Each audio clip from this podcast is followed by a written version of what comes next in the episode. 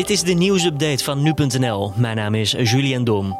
De 33-jarige man die vorige week is doodgeschoten in het Amsterdamse stadsdeel Nieuw-West is mogelijk voor iemand anders aangezien. De politie vermoedt dat het ging om een gerichte liquidatiepoging op mogelijk een ander slachtoffer. Wel wordt er nog rekening gehouden met alle scenario's. Het slachtoffer werd s'nachts bloedend op straat aangetroffen, gereanimeerd en in het ziekenhuis geopereerd, maar kwam later die dag alsnog te overlijden. Ajax heeft dinsdagavond een punt overgehouden aan de tweede groepswedstrijd in de Champions League tegen Atalanta. De ploeg van coach Erik ten Hag gaf een 0-2 voorsprong weg in Bergamo en speelde met 2-2 gelijk.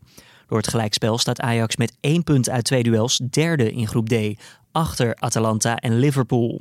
Volgende week dinsdag neemt Ajax stop tegen FC Midtjylland in de derde groepswedstrijd. De huidige coronamaatregelen, waaronder de sluiting van de horeca, duren zeker tot in december. Dat zei minister Hugo de Jonge van Volksgezondheid gisteravond. Wat we zeker weten is dat de huidige maatregelen veel langer nodig zullen zijn dan die vier weken. En de verwachting is nu dat het in ieder geval nog tot in december zal duren. Het is dan ook zaak dat Sinterklaas en Sint Maarten in kleine kring gevierd worden, met maximaal drie mensen van buiten het eigen gezin.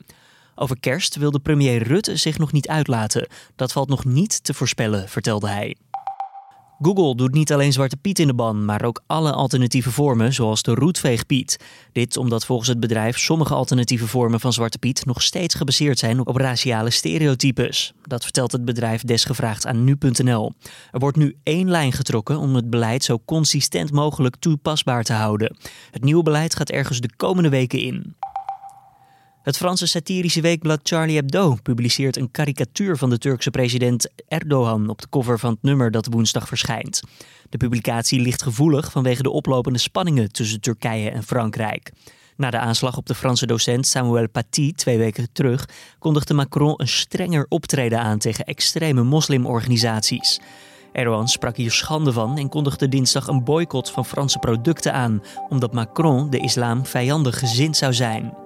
En dit was dan weer de nieuwsupdate.